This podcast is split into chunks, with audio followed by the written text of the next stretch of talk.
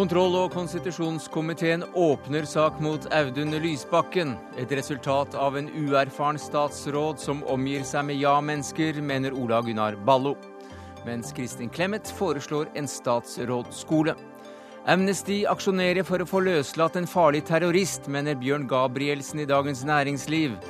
Han forstår seg ikke på menneskerettigheter, svarer generalsekretæren. Og rødstrømpene er kvinnefiendtlige, og Frogner-feminister slåss for mannlige praktikanter, hevder Frp, og lanserer hverdagsfeminismen i Dagsnytt 18.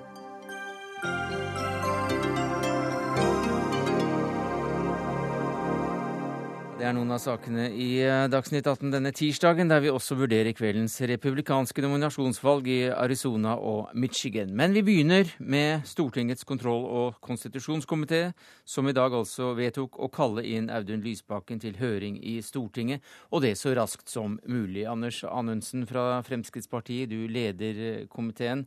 I ettermiddag så ble du også oppnevnt som saksfører. Eh, hvorfor velger dere å åpne denne saken? Ja, det er flere årsaker til det. Eh, blant annet så har eh, komiteen i to omganger hatt brevveksling med statsråd Lysbakken. Eh, og etter at komiteen fikk svar på sitt siste brev, så har det kommet frem ytterligere opplysninger i saken som ikke kom frem i det brevet som komiteen mottok. Og I tillegg så venter vi jo fortsatt på svaret på en del av dette brevet i forhold til gjennomgangen av øvrige tilskuddsordninger. Og Da har komiteen kommet til at det er riktig å åpne sak, og i den sammenheng også ha åpen kontrollhøring. Det siste er jo ofte en konsekvens av det første, fordi det er måten vi da enklest kan få en direkte kommunikasjon med statsråden på. Det vanlige er jo at det er statsrådene som eh, kalles inn på teppet, så å si. Men som vi hørte i Dagsnytt, så åpnes det nå for at også en statssekretær kan, eh, kan måtte stille. Komiteen kan jo invitere hvem de vil. Eh, men det vanlige er en, at statsråden inviteres. Men eh, nå så snakker Per Kristian Foss om eh, at Kjersti Bergstø som statssekretær også bør komme og snakke. Ja, Det vanlige er at det er mange som blir invitert til en sånn kontrollhøring. Vi skal ha en stor kontrollhøring til fredag bl.a. med veldig mange eh, som skal bidra i den høringen. Så det er mange som kan inviteres, og komiteen står fritt til å invitere.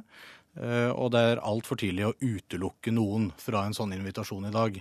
Eh, vi må jo også eh, nå først prøve å finne frem det som er fakta så langt vi kan komme, og så får vi etter det vurdere hvem vi skal invitere. Men hvor viktig er det for komiteen dette, hvem som har gjort hva her? Altså, det er mange som peker på at det er hun som har Eh, trosset embetsverkets eh, anbefalinger i denne saken, og Lysbakken selv har jo ikke snakket noe særlig om akkurat det. Nei, altså Dette har ingen betydning, for det er Lysbakken som har ansvaret for alt som skjer i hans departement, uavhengig av hvem som gjør den faktiske handlingen.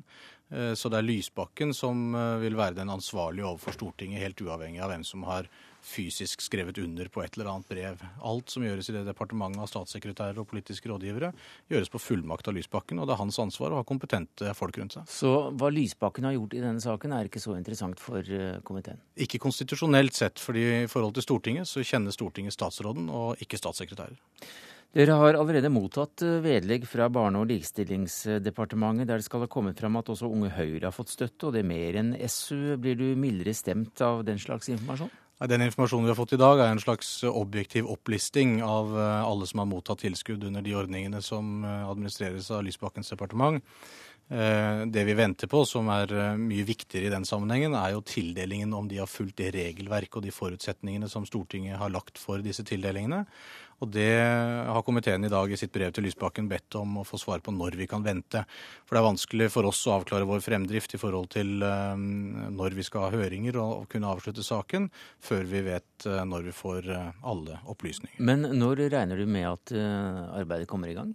Jeg håper det kommer i gang så raskt som mulig. Jeg vet at departementet jobber hardt med dette allerede.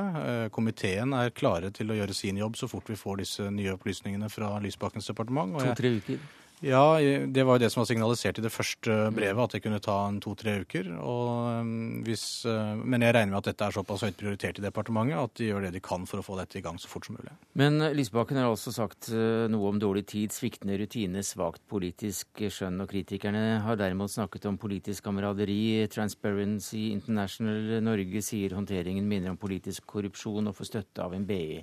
Professor. Hvor havner dette da? Ja, Hvor det havner, det er også litt for tidlig å si. Men det er klart at det vi allerede vet, er veldig alvorlig. For det går inn i kjernen av virksomheten til, til forvaltningen. Vi skal ha tillit til, de, til, at de beslutningene som tas i forvaltningen, gjøres på et faglig og saklig ordentlig grunnlag og i tråd med det regelverket og de forutsetninger Stortinget har vedtatt. Uh, og det er åpenbart at uh, det vi nå vet, ikke har vært i samsvar med det. Men det spiller jo ingen rolle, fordi det er jo flertallsregjering. Så han sparkes jo ikke. Nei, Hvorvidt det spiller noen rolle eller ikke, det får vi nå se. da. Det at Hvis kontroll- og konstitusjonskomiteen eh, eh, Nå får vi gjøre den jobben vi skal gjøre, og så får vi se hva resultatet blir. Men det er åpenbart at det er ingen statsråd som kan leve med veldig mange alvorlige feil over tid. Eh, uten at jeg med det indikerer at jeg vet at det kommer mer, for det vet vi ikke. Vi må finne informasjon først, så får vi konkludere etterpå. Og så får statsministeren løpende vurdere mm. hvorvidt han har tillit til statsråd Lysbakken. Og det blir stadig like spennende å åpne Dagbladet hver dag. Det kan det godt eh, bli, og det er faktisk et ganske viktig poeng. Fordi media har spilt en veldig viktig rolle i forhold til å kontrollere den utøvende makt her. Eh, og Dagbladet, som begynte å grave i denne saken, har jo virkelig funnet eh, et slags journalistisk gullegg ved å begynne å grave i denne saken. Og det har nå resultert i at kontroll- og konstitusjonskomiteen har åpnet sak mot Lysbakken. Takk skal du ha, Anders Anundsen, leder av kontroll- og konstitusjonskomiteen for Frp. Politisk kommentator i NRK, Magnus Takvam. Det var altså en enstemmig komité som kom fram til at uh, denne saken bør, åpnes for uh, høring. Hva sier det? Det understreker jo alvoret i saken. Og det var vel i uh, slutten av forrige uke at Martin Kolberg på vegne av Arbeiderpartiet og de rød-grønne signaliserte nettopp det. Og det var etter at denne famøse ekstramailen dukket opp. Etter Lysbakkens forsikringer om at alt hadde kommet på bordet det var i seg selv så alvorlig at også de rød-grønne partiene eh, mente at det var grunn til å, å, fremme en sak. Men alt er et politisk spill. Eh, hva, hva, kan Arbeiderpartiet tjene på at Lysbakken eventuelt stilles i enda dårligere lys, eller hvorfor i all verden stemmer Langeland som eh, SVs representant i komiteen for at saken skal åpnes? Hva slags spill er det som skjer her? Det er klart at når sakens egentyngde er såpass stor, så vil, vil, det virke lite tillitvekkende at de rød-grønne i så fall setter seg imot å gå inn i saken og undersøke den videre med høringer osv. Eh, fordi det er åpenbart at de da ville på en måte bli beskyldt for å, å, å neglisjere det. Og det, det tror jeg er den enkle forklaringen. Men kunne de ha stoppet hele høringen?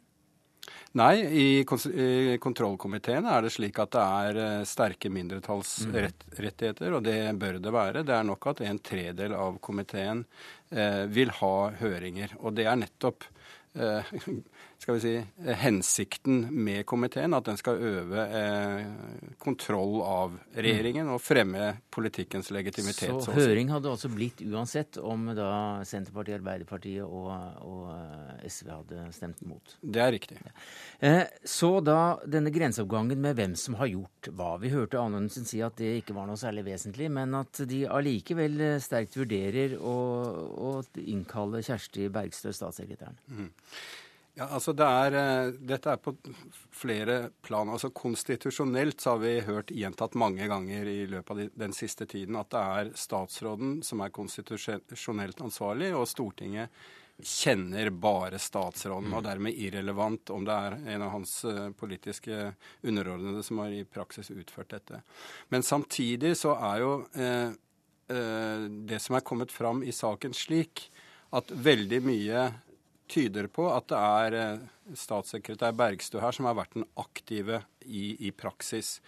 Eh, og det er i seg selv eh, politisk viktig, om det da rettslig og konstitusjonelt ikke spiller så stor rolle.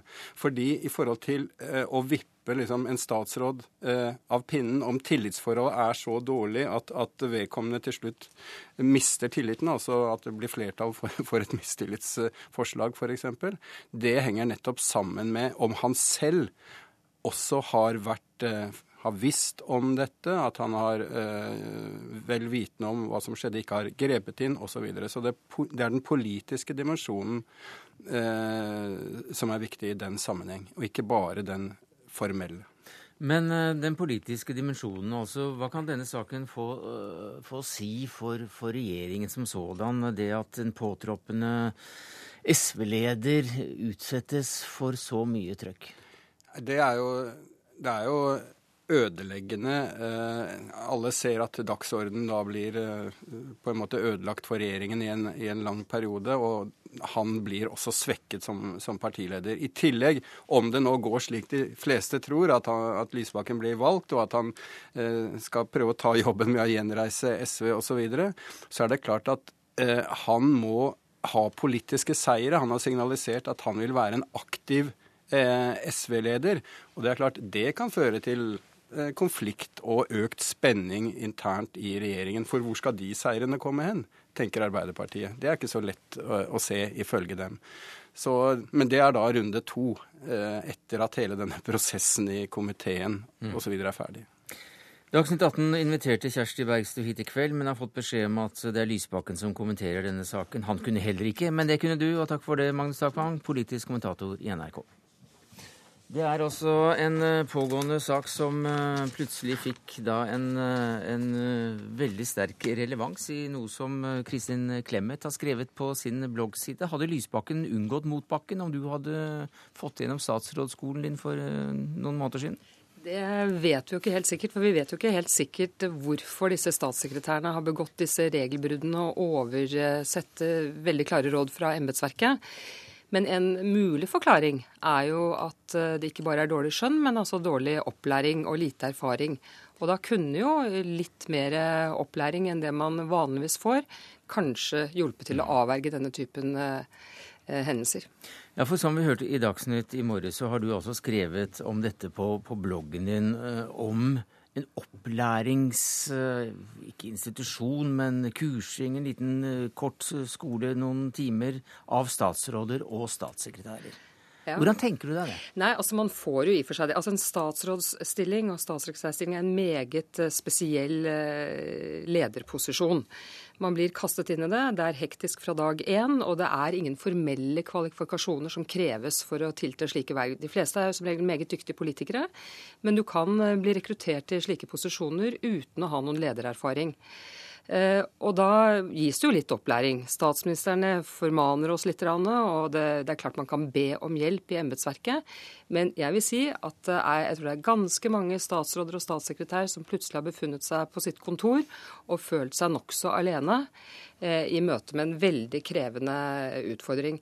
Og da tenker jeg at eh, det kan av og til være litt sånn servilitet i departementet, at man er, vegrer seg litt for å tilby hjelp eller å kritisere statsråden. Og statsråden tør kanskje ikke å be om hjelp. Så hvis man institusjonaliserte dette og fikk noen litt erfarne embetsmenn og -kvinner, noen erfarne statsråder eller eksstatsråder, som i løpet av noen timer tilbød litt kursing, det kunne ikke være så, så veldig farlig, syns jeg, eh, for å gjøre disse menneskene litt tryggere i de viktige posisjonene de har. Hvordan er timeplanen? Eh, for meg? Altså, nei, jeg, hva, nei, altså på skolen.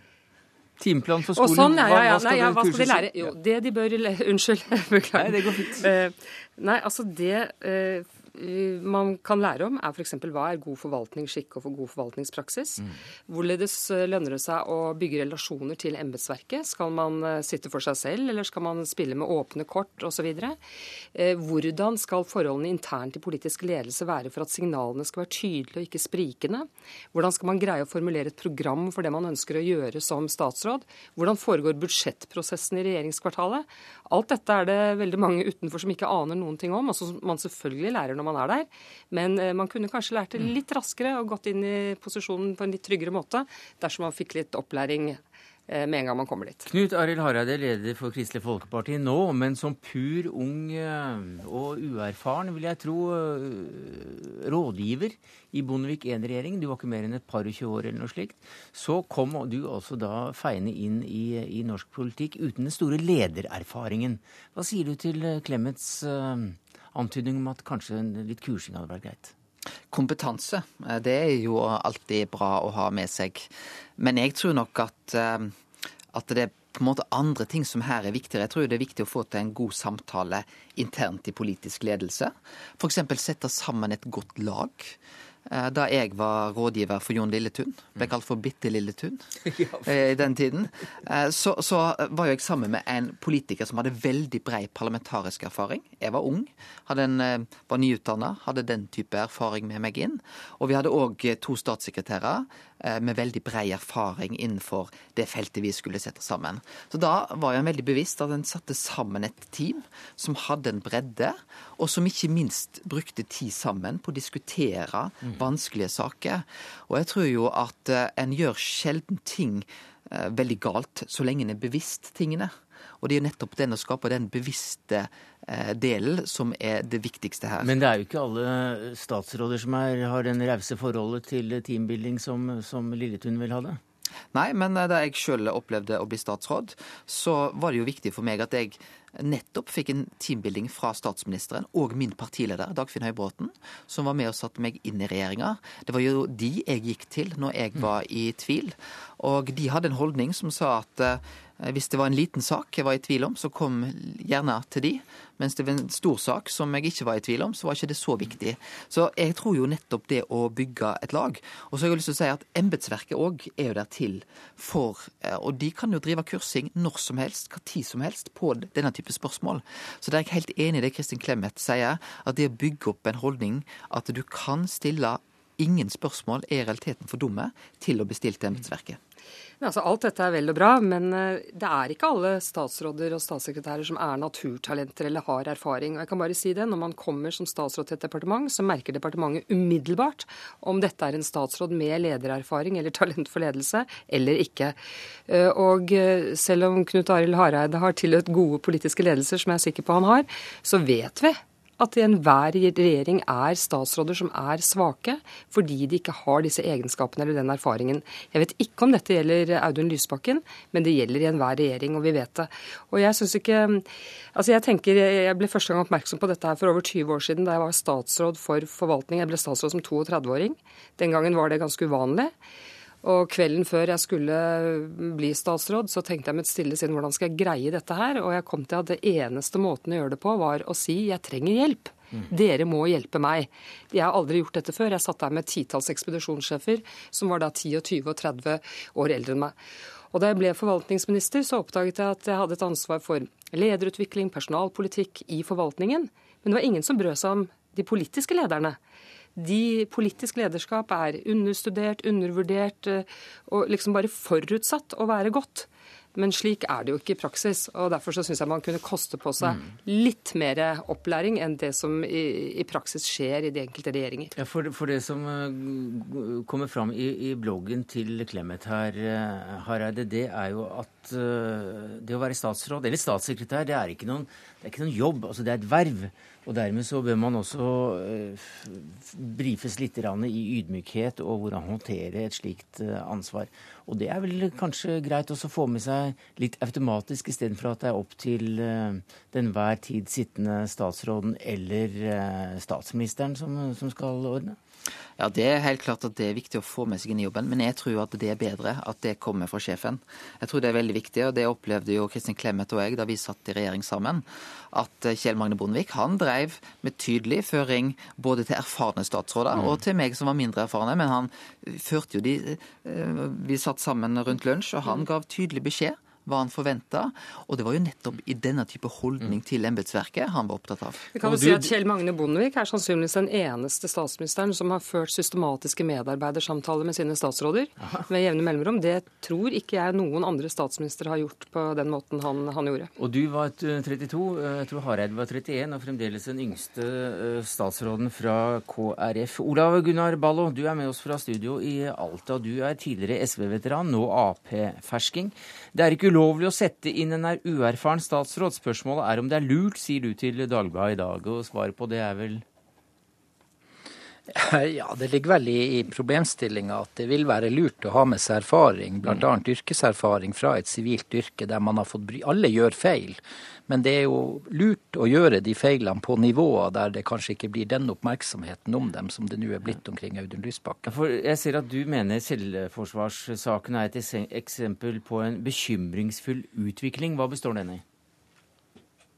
Altså, Jeg ville jo tenkt i en posisjon, jf. det Kristin Clemet sier og Knut Arild Hareide, at man er avhengig av hjelp fra andre, som man helt åpenbart er, da må man jo finne folk rundt seg som kan gi en den hjelpen. Altså Det betyr at man må sikre seg folk rundt som har en annen type erfaring enn det man har sjøl, og som kan supplere en. Det man også trenger, er jo folk rundt seg som sier vet du, det der tror jeg ikke er lurt. I dette tilfellet f.eks. at man sier at når embetsverket advarer mot det, så er det lurt å ikke gå videre, fordi at erfaringsmessig så skaper det problemer. Og den typen erfaringer trenger man jo ha gjort på forhånd, fordi at ellers så blir det dyrekjøpte erfaringer. Og ofte gjør man det jo i sivile yrker. altså Jf. i legeyrker eller i læreryrket. Ta nå Jon Lilletun som hadde livets skole. Hvor mange erfaringer han tok med seg nettopp fordi at han hadde lang fartstid både som politiker og i form av de jobbene han hadde hatt. Kommer du da direkte fra skolebenken uten den typen erfaring, så det er klart at det ligger en rekke fallgruver der som du ikke vet at du går i. Ja, For selvforsvarssaken er et resultat av en uerfaren statsråd som omgir seg med enda mer uerfarne rådgivere og ja-mennesker, skriver du. Eh, hvordan kan det unngås, da? Eh, altså Det vi ser her, er jo at mange av dem har eh, fartstid fra SU. En del av dem har jo vært i altså Sosialistisk Ungdom på samme tid. Det betyr jo at mange av dem også har akkurat de samme synspunktene. Jeg opplevde fra min tid i SV at jeg henta inn Knut Skrøder fra Tromsø, for jeg ønska å diskutere skole, eh, sykehusvesenet. Og en som i dag er statssekretær, sa til meg er du sikker på at han mener det samme som du? Jeg sa veldig overraska, jeg er helt sikker på at han mener noe helt annet, og det er hensikten hensikten med å få han inn. Ikke sant? Fordi at man skal skape diskusjon, man skal prøve ut standpunktene. Hold det vi står for, mål. Og hvis det ikke holder mål, så må vi forandre det. Og det gjør en veldig sårbar, hvis man da mm. hele tida tenker at man skal ha folk rundt seg som sier ja til det man sier. Hva tenker du om en, eh, om en skole eller litt kursing, slik Clemet slår et slag for? Eh, altså I utgangspunktet, når man bare ser oppslaget, så kan man jo tenke at det er vel knapt nok mulig. Men jeg syns jo at Kristin Clemet argumenterer godt og substansielt i forhold til at det kan dreie seg om en type enkle råd. Det dreier seg om innføring i forhold til rutiner i et departement. Og det at man har med seg noe mer ballast og kanskje på en måte blir sensibilisert når man kommer inn i den rollen for de fallgruvene som ligger der. Og det høres jo klokt ut. Er det søknadsfrister på denne skolen din, eh, Klem? kanskje jeg skal opprette den? Kan jeg kanskje gjøre det til en... Nei, nei, men nå har jo jeg, Det ble avvist av flere politikere i morges, jeg vet ikke hvor nøye de hadde satt seg inn i forslaget. Men ideen er eh, til fri avbenyttelse. Og jeg vil tro at eh, nye, ferske statsråder og statssekretærer nå kanskje har lært litt av det jeg sier, og selv arrangerer sin egen skole hvis ingen andre gjør det. Og timingen er forholdsvis perfekt perfekt. Takk skal du ha, Kristin Clemet, daglig leder i Civita. Knut Arild Hareide, leder for Kristelig Folkeparti. Og til deg, Ola Gunnar Ballo, tidligere SV-politiker.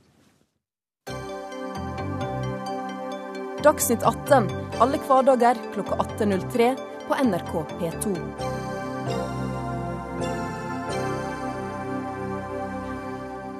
Ja, Foretaksmodellen eh, splitter eh, både regjeringen og Stortinget, selv om daværende helseminister Tore Tønne fikk bred tilslutning til modellen i Stortinget i 2001.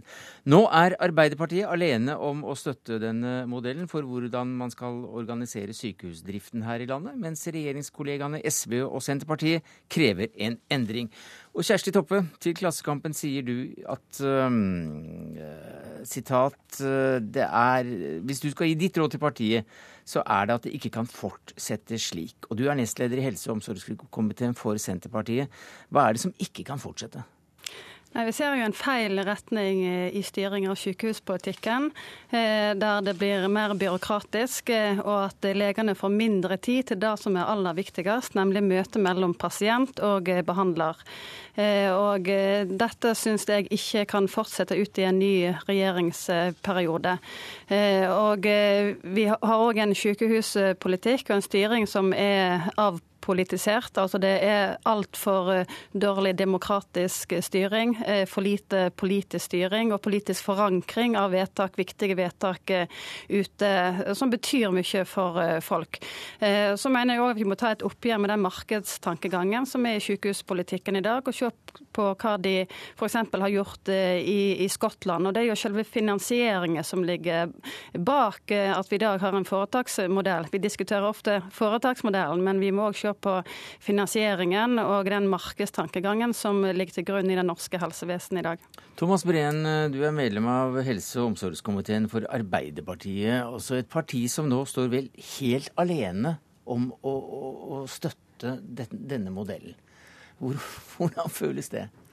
Nei, altså det, vi står for så vidt godt vi på vårt syn. Eh, nå er vår inngang til denne debatten at eh, for det første at det er en veldig krevende debatt man ser går over hele den vestlige verden, nemlig hvordan man skal styre helsevesenet sitt. For det er eh, ofte veldig mange motstridende hensyn. Det er helt klart, men nå har det gått ti år, og dere skal evaluere det ganske bredt senere i år. Men eh, hvorfor, tror det, ja, hvorfor tror du det er så stor uenighet om denne modellen? da? Nei, Nå må jo de andre partiene snakke for seg sjøl, men selvfølgelig så ligger det et element her av at uh, man politisk har lyst til å løse noe uh, som ikke fungerer godt nok. Mm. Og jeg tror alle her ser elementer i helsevesenet vårt som kunne vært bedre, og derfor så øker jo også år for år budsjettene, f.eks. Eh, det som er viktig å huske på i historikken rundt debatten om eh, foretak eller ikke foretak, det er jo hva man har fått igjen eh, for den omlegginga Tore Tønne sto i spissen for, og som mange den gangen var enig i. Og Det var at den, det helsevesenet vi hadde før det, var for fragmentert når fylkeskommunene styrte. Man fikk for dårlig kvalitativ behandling, og man hadde null kontroll på økonomien. Mm. Eh, og det man kan tilskrive eh, deler av reformen, i hvert fall, er nettopp eh, det at man har klart å samle mye av fagmiljøene, fått mye mer forskning, ta i bruk ny kunnskap og nytt utstyr. Eh, og investeringstakten er over dobla i, i, helsevesenet. Her har du også en mengde gode argumenter for å beholde denne modellen. Men hva slags modell er det dere går inn for i stedet for, da, Toppe? Mm. Eh, mye forbedringene i helsevesenet kommer jo òg at vi har brukt dobbelt så mye penger som vi gjorde når fylkeskommunene. Men la fare. Men, la, la, oss heller ta hva slags modell er det dere har eh, funnet ut av skal fungere eh, mye bedre? Ja, Vi mener at vi må ha en nasjonal sykehusplan for å ta de store beslutningene i Stortinget, à la en nasjonal transportplan som vi har for samferdselssektor, som vi får forankra de store både strukturfordelinger og funksjon. Det er vel ikke nødvendigvis i motsetning til akkurat det, denne foretaksmodellen? Det kan være både når vi har den, mm. og i en annen modell. Ja, så der, hva er da eh, forskjellen? Eh, finansieringsmåten vi kjøper og legge den om. Eh, og så vil vi ha vekk eh, de regionale foretakene sånn som de er organisert i dag. Hvordan vil dere ha det, da? Ikke bare hva dere vil ha bort, men hva vil dere ha isteden? Det må i tilfelle være styret som er Altså, vi har ikke hele detaljen i den nye styringen, men det som vi er helt sikre på, det er at vi må få en styring av helsevesenet mm. som er demokratisk styr, som mm. er folkelig forankra, der det er et samsvar mellom de som tar de politiske eh, avgjørelsene, eh, og, og, og, de som, eh, som, som utfører de. Mm. Eh, sånn at de som styrer kan bli kasta ved valg. Det tror jeg òg Det er stor frustrasjon ute eh, på at det er byråkratene som styrer. Mer demokratisk, større politisk styring, men ja. dere vet ikke helt hvordan. Bent Høie fra Høyre, du er leder av helse- og omsorgskomiteen. Nå har du hørt på disse vanlige medlemmene dine sitte og diskutere dette her. Hva er det som ikke fungerer etter malen slik du ser det? Høyre var jo, støttet jo også denne modellen til å begynne med. Ja, Det vi støtta, var jo at staten skulle overta ansvaret for, mm. Eh, for sykehusene. Og, og, og, vår motiv for det var jo å få en nasjonal helsepolitikk. Og det har vi dessverre ikke fått. Eh, fordi at vi har eh, nå fire ulike helseforetak som fører til dels fire ulike helsepolitikker uten at det er politikere som styrer dette, men det som vi har valgt å kalle for ansiktsløse byråkrater. Og Det er et av hovedproblemene som jeg er helt enig med Kjersti Toppe i. At eh, helse er den saken som velgerne legger mest vekt på når de skal velge parti ved valg. Men samtidig så har en eh, flytta mye av de politiske beslutningene vekk fra Stortinget, vekk fra helseministeren, og til foretaksstyrer og foretaksmodell. Og noe som virker som om dette er en hvilken som helst vanlig fabrikk, og faktisk ikke er sykehus som behandler syke mennesker. Så men den beskrivelsen den er sikkert mange enige men løsningen da? Ja, løsningen er å eh, flytte de politiske beslutningene til Stortinget og til ansvaret til helseministeren gjennom akkurat det som også Kjersti Toppe sier, en nasjonal operativ helse- og sykehusplan som tar stilling til de overordna beslutningene. Og gjør han det, så har han ikke behov for det, det, det byråkratiske mellomleddet som de regionale helseforetakene representerer. Da kan en flytte makt eh, knytta til de dagligdagse beslutningene om å drive sykehusene, til sykehusenes eh, egne styrer, som da blir reelle styrer, og ikke eh, sambostrøingsorgan som en har tendens til å være i dag. Brenn, her fikk du jo faktisk ganske konkrete eh, forslag for hvordan man kan endre dette systemet her. Mens dere tidligere har sagt at så lenge det ikke er noen gode forslag som kommer opp, så kan vi ikke endre det. Ja, eh, La meg først si at vi er ikke katolske i forhold til systemet Nei, systemet i seg sjøl. Dere har bare ventet på bedre ideer, men vi, nå fikk du en idé her. Hva syns, hva syns du om den? skal være det drivende. Med Høyres modell så er det for meg veldig uklart hva man reelt sett skal flytte fra helseforetakene og ned til sykehusene, og fra helseforetakene opp til det statlige direktoratet eh, de da skal Men det kan du få svar på nå. Høyre har heller aldri foreslått noe statlig direktorat, så, så jeg vet ikke hvor han har derfra. Men, eh, men det som vi mener, er at de overordna politiske og strategiske beslutningene om f.eks. hva er minimumskrav til innhold i de ulike sykehusene, eh, hvordan skal de prehospitale tjenestene se ut, hva skal være strukturen i forhold til ambulansetjenester, eh, akuttmedisin, helikopter osv., hvor skal mm. fødetilbudene være, det er beslutninger som bør ligge i en nasjonal helseplan. Men hvordan en driver et sykehus fra dag til dag, ja, det er beslutninger som bør fattes i styrene og i de og i den ledelsen som er nær de ansatte. Men i dag er det en altfor stor avstand mellom de ansatte og de som tar de overordnede beslutningene. La meg få si Det sånn at det er fortsatt veldig mye luft i det forslaget som kommer fra Høyre i forhold til hvordan man reelt sett skal overføre makt både nedover og da oppover. Én ting er å peke på en sykehusplan. Det vil jo ikke løse veldig mange av de hverdagsutfordringene som vi blir møtt med når vi reiser rundt. Eh, eh, sånn at eh, Fortsatt så er det uklart for meg hva som reelt ligger i forslaget til Høyre, utenom at jeg har sett et kart med ganske mye piler på. Når det er sagt, så er det viktig at det også for Arbeiderpartiet har en fordomsfri debatt rundt modellen i seg sjøl. Fordi det må være pasientens fokus som, ja, det er den styr, som styrer modellen. Det er den debatten vi, vi tar nå. Og det er, så dumt, det er vel ikke så dumt å ha en plan? Nei, absolutt ikke. Eh, samtidig så er det viktig å vite hva man gjør. og Derfor så ønsker vi nå å evaluere og få på bordet en del av det som har vært eh, styrende nå i ti år. Eh, og jeg vil eh, avvente den evalueringa før vi eh, løfter en, en, mm. realitetsdebatt inn her. Mm. Fordi man må ha kunnskap om fortida før man kan se det i framtida. Vi, vi, avventer realitetsdebatten her, Toppe. Men uh, ifølge Soria Moria II så er jo for så vidt denne modellen uh, mer eller mindre fredet. Men uh, dere går altså og rasler litt med, med sablene nå. Hvordan vil dere gripe an dette her før neste stortingsvalg? Vi forholder oss til Soria Moria til, til neste stortingsperiode. Dere sitter ikke helt stille i, i salen? Nei, eh, det er jo den debatten vi tar i dag. For vi må jo tenke framover. Og 2013 kommer, kommer, snart. Eh, og det er jo behov for altså Jeg er jo bekymra for det som jeg ser i Helse-Norge. For det er for lite demokrati, og det er for lite politisk forankra, de beslutningene. Så det er jeg bekymra over. Takk skal Også, du ha, Kjersti Toppen. Nesten avslutte der, vi som nestleder i helse- og omsorgskomiteen for Senterpartiet. Thomas Breen, medlem av helse- og omsorgskomiteen for Arbeiderpartiet. Og Bent Høie, Bent Høie leder av helse- og omsorgskomiteen for eh, Høyre. Thomas Breen var for Arbeiderpartiet, hvis jeg sa noe annet. Takk skal dere ha. En eh, drøy uke før kvinnedagen lanserer Fremskrittspartiet eh, seg som partiet for hverdagsfeminister. Den eh, norske likestillingsdebatten har gått i vranglås mellom rødstrømpefeminister og Frogner-feminister, skriver Siv Jensen og du i VG i dag, Solveig Horne. Du er kvinnepolitisk talskvinne i Frp.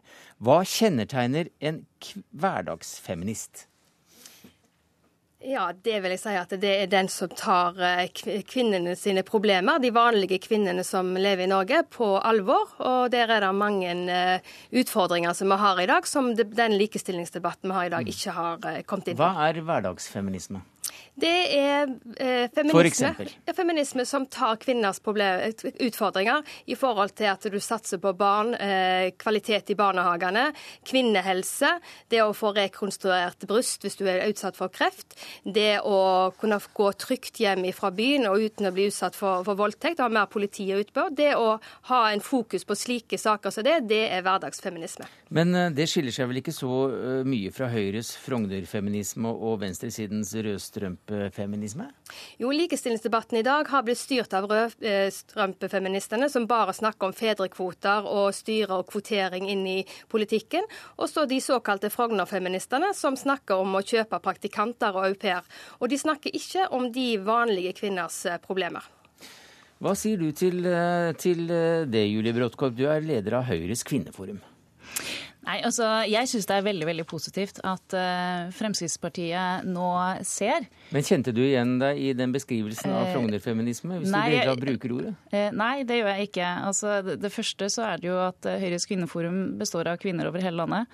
Og aktive kvinner fra Nord-Norge og til lengst til sør. Vi har aldri noensinne snakket om praktikanter som del av likestillingen. En praktikant har ingenting med likestilling å gjøre. Derimot så var det vi som på første side i VG i fjor eh, krevde at menn måtte gjøre mer husarbeid, eh, fordi det er eneste måten at kvinner kan få mer tid til å også gjøre karriere ute. Ja, Det er derfor så, det står det... i VG i dag at løsningen for eh, dere Frogner-feminister det er å kjøpe dere moderne menn, også kalt praktikanter. Ja, og Da lurer jeg på hvor det har stått hen, for vi har aldri fremmet det som en sak. Derimot så har vi blitt kåret av Dagsavisen til den delen av de som diskuterer likestilling som har hatt flest utspill og debatter i forhold til kvinner og likestilling. Det har gått på kvinnelige gründere, det har gått på kvinnehelse, det har gått på overgrepsmottakene, og slik kan jeg fortsette. Ja, Men så vet vi jo det at uh, Julie Brodtkorp har vært veldig opp i forhold til at hun har gått ut og sagt at hun har da kjøpt seg en praktikant eller kjøpt seg hjem, uh, hjelp i hjemmet. Og vanlige kvinner, eller veldig mange, kjenner seg ikke igjen i de problemstillingene. De har ikke den muligheten. Nei, derfor, men, men, men, men, men, men, det er ikke så veldig mange kvinner heller som er alene med tre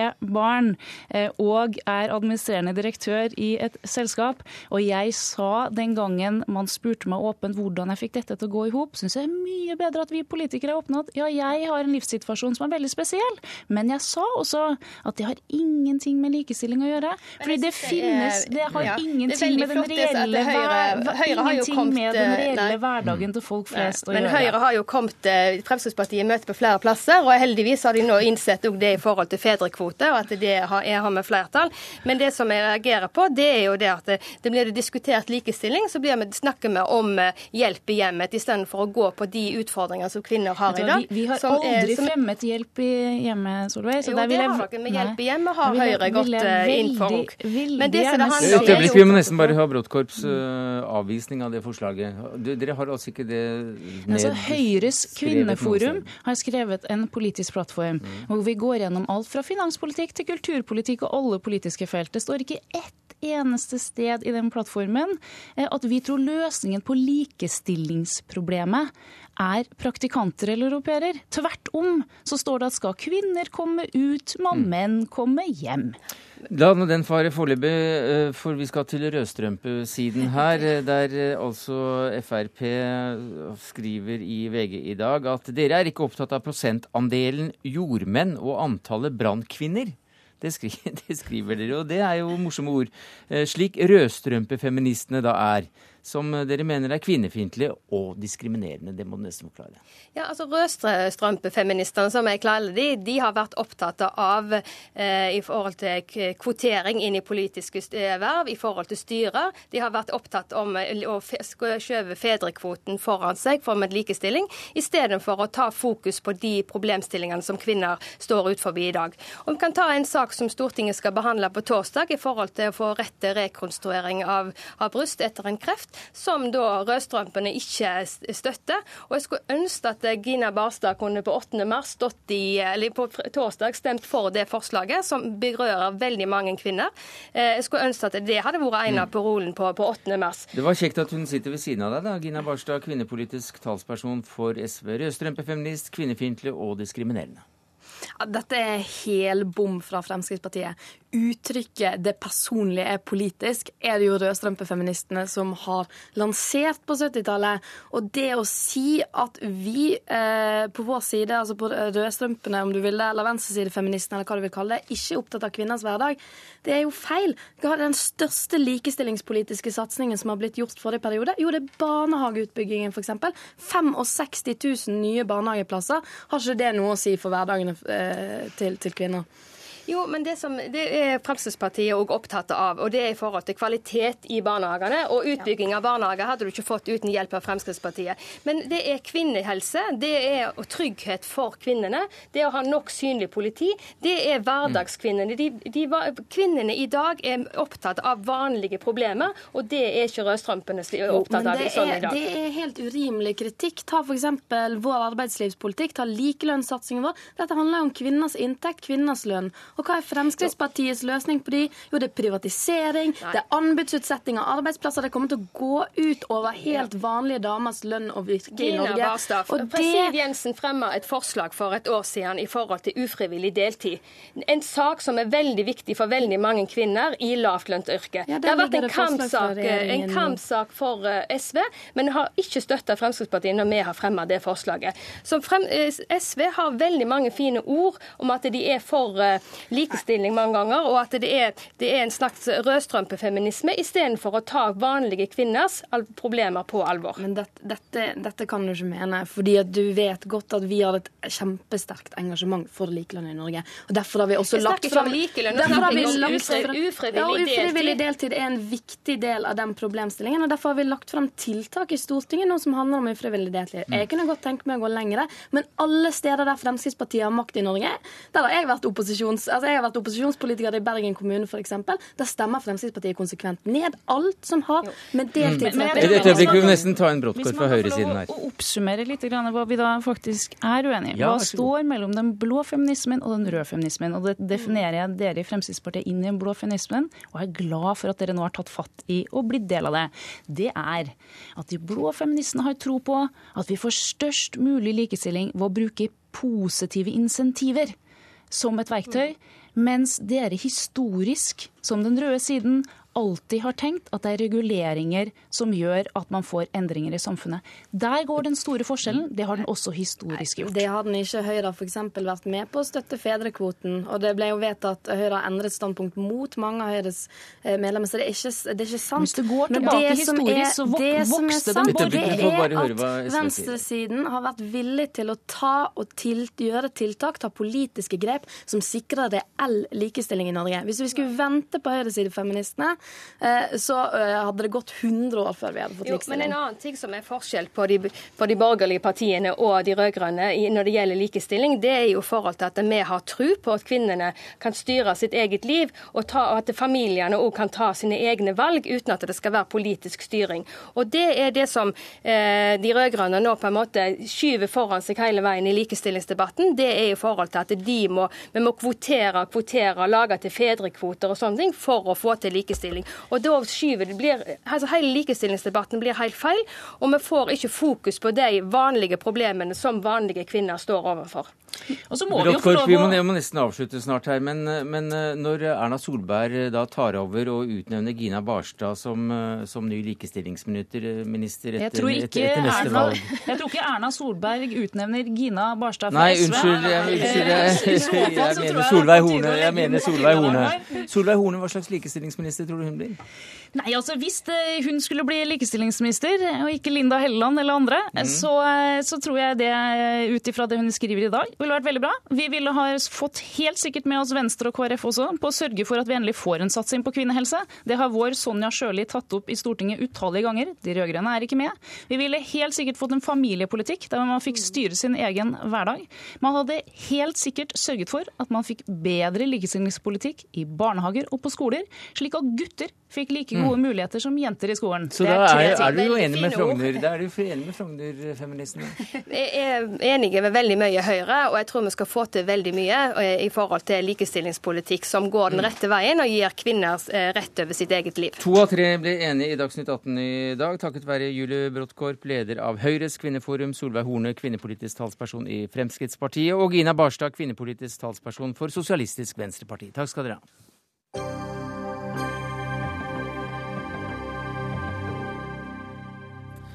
Amnesty Norge har lansert en kampanje for å få palestinske Kader Adnan løslatt. Adnan har sultestreiket siden desember i fjor i protest mot at israelske myndigheter fengslet ham uten tiltale eller rettssak.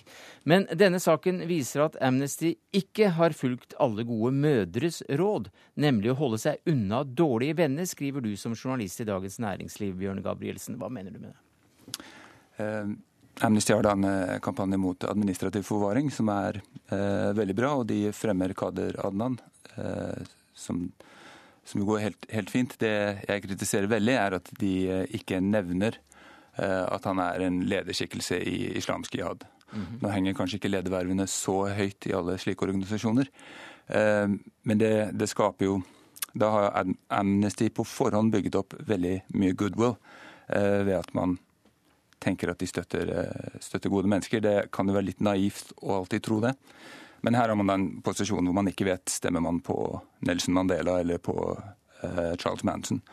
Um, og enten så visste jo ikke Amnesty om dette på forhånd.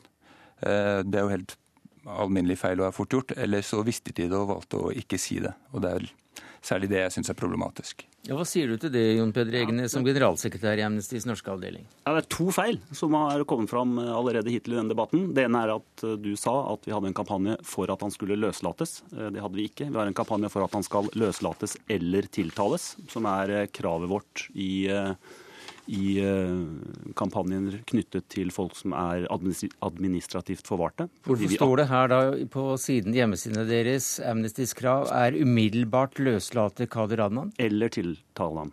Og nei, det står ja, det umiddelbart løslate Kader Adnan, står det. Ja, det står i hvert fall Da jeg nettopp leste den siden, så står det også tiltalt ham oppe til venstre der. Det er jo, dette Vær så god. Altså, hvorfor skriver dere at han umiddelbart skal løslates? Eller tiltales. Ja, det er, så fall, det er ikke, Dette er ikke aksjonen, slik jeg ser den. Nei, Så det er fra deres hjemmeside? Ja. Nei, da, dette er en eh, en endret versjon. For det som er kravet, og det, helt, det, har stått helt solklart i aksjonen hele tiden, er at han skal tiltale, løslates eller tiltales. Ja. Og det er men også, veldig, veldig men så glem da at dere har bomma på hjemmesiden men så, deres. Men det står det, faktisk å løslates umiddelbart. Ja. For det er nemlig det som er kriteriet deres for om det er en ja. slik fanget som dere vil ta dere av. Nei, det er det ikke. Eh, det varierer. Dersom han hadde vært adoptert som samvittighetsfange, så hadde vi krevd umiddelbar løslatelse. Ja, som det står der at dere krever? Nei, ja, men som da i denne versjonen er feil. Eh, og det kan jeg bare beklage. Eh, og hvilken versjon dette er, det klarer jeg ikke å orientere meg i akkurat nå. Men det som, som jeg faktisk har lest, så står det altså veldig tydelig eller tiltale ham. Og det er i hvert fall det korrekte, så i så fall er det en feil som Bjørn står her. Bjørn Gabrielsen, sukker sukrer det pillen? Eh, nei da, det, det, det gjør ikke det. Så et øyeblikk, Jeg må nesten høre hva Gabrielsen sier til det. Nei, feil, feil kan gjøres. Det, det så, så uh, til det andre, uh, så er det sånn at uh, i det aller, aller meste Der vet jeg at i en versjon i hva vi har skrevet, så står det ikke at han er Eh, mistenkt for å være et medlem av islamsk jihad. Men i det aller aller meste vi har kommunisert omkring ham, så skriver vi at han er mistenkt for å være et medlem av islamsk jihad. Slik at vi har heller ikke forsøkt å underslå koblingen mellom ham og denne organisasjonen. Fordi at det er i utgangspunktet ikke så viktig. For at i denne saken så handler det om dersom man blir eh, fengslet, så skal man tiltales eller man skal løslates. Og det er det israelerne ikke gjør når de setter per i dag 309 personer mm. i administrativ forvaring. For Jeg har da sett i den grad norske aviser har, eh, har fulgt opp uh, dette. Og, um, og, det er jo da sier noe om ansvaret til, til den informasjonen Amnesty gir ut. At da blir det heller ikke uh, tatt opp der uh, hva han er fengslet for. Eller han er jo da ikke fengslet, men en årsak som ligger bak det. Eh, Amnesty eh, har en fyr som har hatt mye kampanje mot dødsstraff. Bud Welch, datteren hans, døde selv i Oklahoma-bombingen, og faren har kjempet mot dødsstraff for, for Timothy McVeigh. Den debatten blir ganske grei fordi man veit hvem Timothy McVeigh er. Den debatten som da kommer i kjølvannet av dette, er at man har mange aviser som, men kanskje late journalister som slavisk har fulgt det de har lest av Amnestys informasjon. Eh, og da får man en litt sånn enkel framstilling av det. Men, men, jeg, jeg, kan ikke stå ansvarlig for eventuelle late journalister. Altså Det som står i, i, det aller aller meste av vårt materiale, er at han er mistenkt for å være tilknyttet eh, islamsk jihad. Eh, og de fleste vet eh, hva den organisasjonen står for. Men, men, hovedpoenget her, og som, og som, på en måte blir litt litt skrudd, altså blir litt forvrengt i, i kommentaren til Gabrielsen, eh, det er jo at eh, man gir inntrykk av at vi støtter denne mannen som om vi støttet hans sak. Og det gjør vi jo selvfølgelig overhodet ikke. Vi har flere ganger vært ute og kritisert islamsk jihad, som vi vet står bak selvmordsangrep og andre drap på sivile. Ja, man trenger vel ikke være enig i, i, saken til de som sitter inne, for å si at de bør få en eh, skikkelig behandling? Nei, absolutt. Alle alle skal være Altså eh, menneskerettigheter gjelder jo selvsagt for alle. Mm. Eh, det som jeg da bare problematiserer, er jo da den informasjonen som kommer ut, og den fremstillingen eh, som man får i ettertid. Kan jeg bare få lov til, for Nå har jeg lest det, det som står her, og det, jeg har faktisk rett. Umiddelbar løslate og andre palestinere som er holdt i administrativ forvaring, med mindre de er tiltalt for internasjonalt gjen, uh, gjenkjennbare straffbare holdning. Så altså løslatt eller tiltale. Nå må jeg nesten få denne her. Altså, hva i all verden er det Les du snakker under om? understrekingen din. Det, det står umiddelbart løslate Kader Adnan. Og så leser du videre. Og andre som er holdt i eller, administrativ forvaring. Eller ja. Ja, det er det som står. Eller tiltale dem for Jo, jo, en men det står umiddelbar løslate Kader Adnan. Jo, jo, ja. Men, ja, eller. Det står et eller der. Ja, Men det er jo viktig, et viktig poeng her. Ja vel. Men uh, det er akkurat det der med om det er umiddelbar løslatelse, det, det sier noe om trøkket fra ja, Amnestys at, ja, forsøk på ja, å gå i gang med kampanjen. Mm. Hvis man har et menneske som man mistenker for noe, så uh, kan man selvfølgelig tiltale dette mennesket. Eh, hvis man ikke kan tiltale for noe, så er altså vår mening at da må man løslate det. Og, det er det som er hele spørsmålet her. Det, er ikke hvor, det er ikke hvorvidt Uh, man kan tiltale vedkommende eller ikke. Og Det var ikke uh, meningen å dra opp en debatt mellom Jon Peder Egenes som generalsekretær i Amnesty og en sørlig programleder heller, så jeg beklager hvis, hvis, så skjedde. Men Bjørn Gabrielsen, journalist i Dagens Næringsliv, takk skal du ha.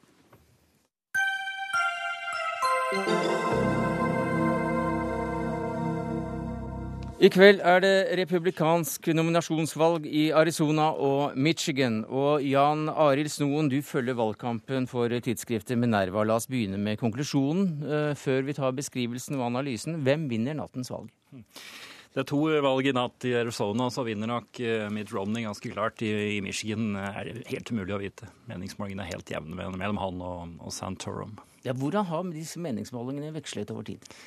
Ja, de har jo Generelt så har det jo vekslet veldig i hele eh, perioden og i alle disse valgene som har vært, men også da i Michigan. Fordi etter at Santorum da vant overraskende et par stater, eh, Colorado og Minnesota, så ledet han ganske stort på meningsmålingene. Og så har Romney da tatt innpå han. Og så ledet Romney for noen dager siden, så snudde i går. Så det er jo spennende dette, da. Ja. Det er spennende dette. For hva skjer hvis, eh, hvis da Romney faktisk taper i Michigan? Altså, Det vil være et betydelig nederlag for han, fordi han er jo født og oppvokst her, og faren hans var guvernør der og sånt. Eh, og han vant klart også i 2008, så det var forventet at han skulle vinne. Men det er ikke noe katastrofe. Hvis han vinner i Arizona og er omtrent likt med Santor og meg, så, så er det han som får flest mandater på av de som skal stemme ja. til slutt. Men allikevel så skriver du at man skulle tro at Arizona var nattens viktigste valg, men, at, mm. men det er fremdeles slik at psykologi er viktigere enn delegater? Ja.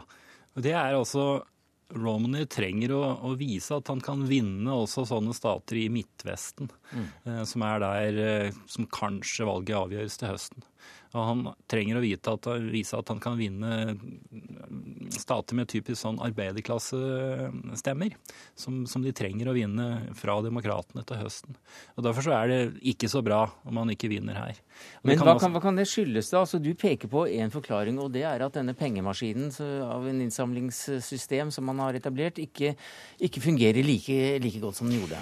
Nei, han, ikke, han, har ikke så stort forsprang i å bruke penger nå som han hadde bl.a. i Florida, der det var veldig virkningsfullt. Eh, så han kan, ikke, han kan ikke bare vinne på å bruke mer penger og ha bedre organisering. Han trenger også å appellere til grasrota i partiet, og det har han slitt med hele tiden. Det sliter han med her også. Eh, fordi han, han framstår som en Ja, han er, han er en rik mann. Eh, og så snakker han ofte som om han er en rik mann også. Han prøver ikke å legge an, eller i hvert fall ikke noe vellykket å legge an en sånn folkelig tone som Santorum eh, klarer å gjøre. Og det svekker han nok nå i, mm. i, Michigan. Og han må kanskje spare litt også, for om en uke så Ja, for det er jo den såkalte supertirsdagen. På neste tirsdag da, så er det valg ti steder. Og da kommer det til å gå veldig mye penger. Eh, så han vil ikke brenne av alt nå. Han kan tåle et lite nederlag i Michigan, selv om han bør vinne. Men selv om han vinner, så, så er han ikke ferdig nå heller. Han, altså, dette kommer til å fortsette nå. Hvis det ikke skjer noe dramatisk, da overraskende supertirsdag, så kommer dette til å vare i flere måneder nå. Men så antyder eh, du at flere demokrater kan komme til å stemme på Santorum. Og hvordan i all verden kan det skje? Altså, det, er, det er som om Arbeiderpartimedlemmer kan, kan bestemme hvem som skal være på Frp-listene? Ja, altså I mange stater så er det sånn at du kan delta i, i valget selv om du er, ikke er registrert i det partiet som skal, skal, ha avstemning. Og også noen steder der du faktisk er medlem av det andre partiet, eller registrert. da. Du kan være medlem av flere partier? Ja, ja Nei, du kan være registrert som demokrat, men likevel gå og stemme i, i dette, for det er et åpent valg. Mm -hmm. og sånn er det i noen eh, stater. Og da er det noen som gjør det fordi de er genuint interessert og har kanskje tenkt å stemme republikanerne til, eh, til høsten mann, i hvert fall hvis det blir riktig mann.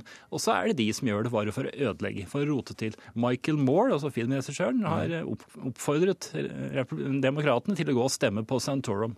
Fordi han har mindre sjanse ja.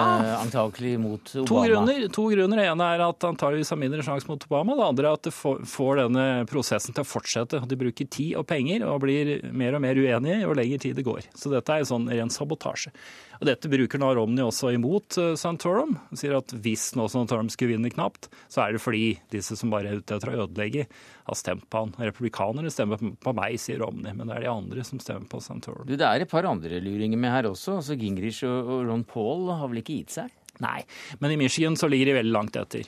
Eh, derimot neste tirsdag er det Georgia, eh, gamle hjemstaten til eh, Gingrich, og han leder der på meningsmålingen. Kan vinne.